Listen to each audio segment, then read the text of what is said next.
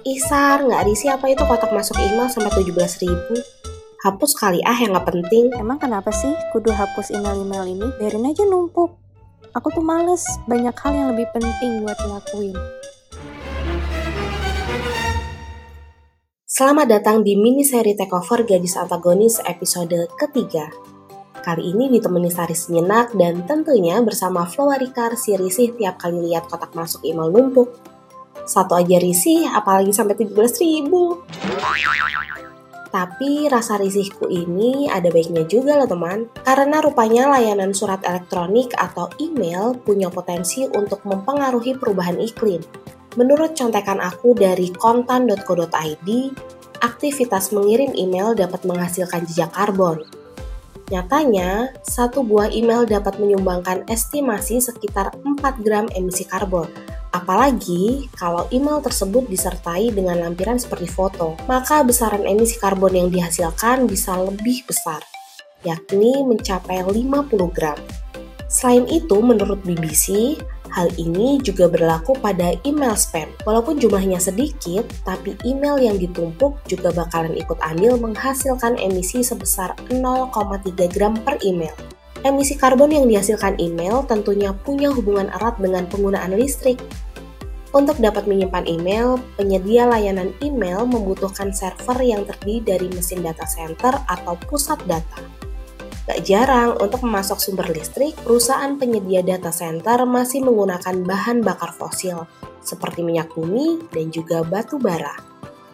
Tentu saja, Semakin besar energi listrik yang digunakan, emisi karbon yang dihasilkan dari pembakaran bahan bakar fosil pada pembangkit listrik tentu akan semakin banyak. Nah, kalau menyadur dari The Good Planet pada tahun 2019, telah tercatat ada lebih dari 2,3 miliar pengguna global yang terdaftar menggunakan layanan email. Diperkirakan ada sekitar 293,6 miliar email yang dikirimkan setiap harinya banyak banget gak sih? Lalu, untuk setiap 1 GB data yang disimpan di data center, penyedia layanan email diperkirakan membutuhkan pasokan listrik sebesar 32 kWh. Apabila seluruh pengguna rutin menghapus 10 email saja per hari, diklaim bisa menghemat penyimpanan sebesar 1,7 juta GB atau setara dengan 55,2 juta kilowatt hour listrik yang digunakan data center. Maka nggak heran teman, jika penyedia data center diperkirakan dapat mengurangi penggunaan 19.356 ton batu bara yang sebanding dengan 39.035 metrik ton emisi karbon. Kira-kira pengurangan emisi karbon yang dicapai dengan mengurangi jumlah email yang dikirimkan setiap hari hanya sebesar 0,0037% dari total emisi karbon tahunan. Hey, kalau dampaknya nggak terlalu signifikan, menghapus email tetap bisa dilakukan sebagai upaya mengurangi emisi karbon.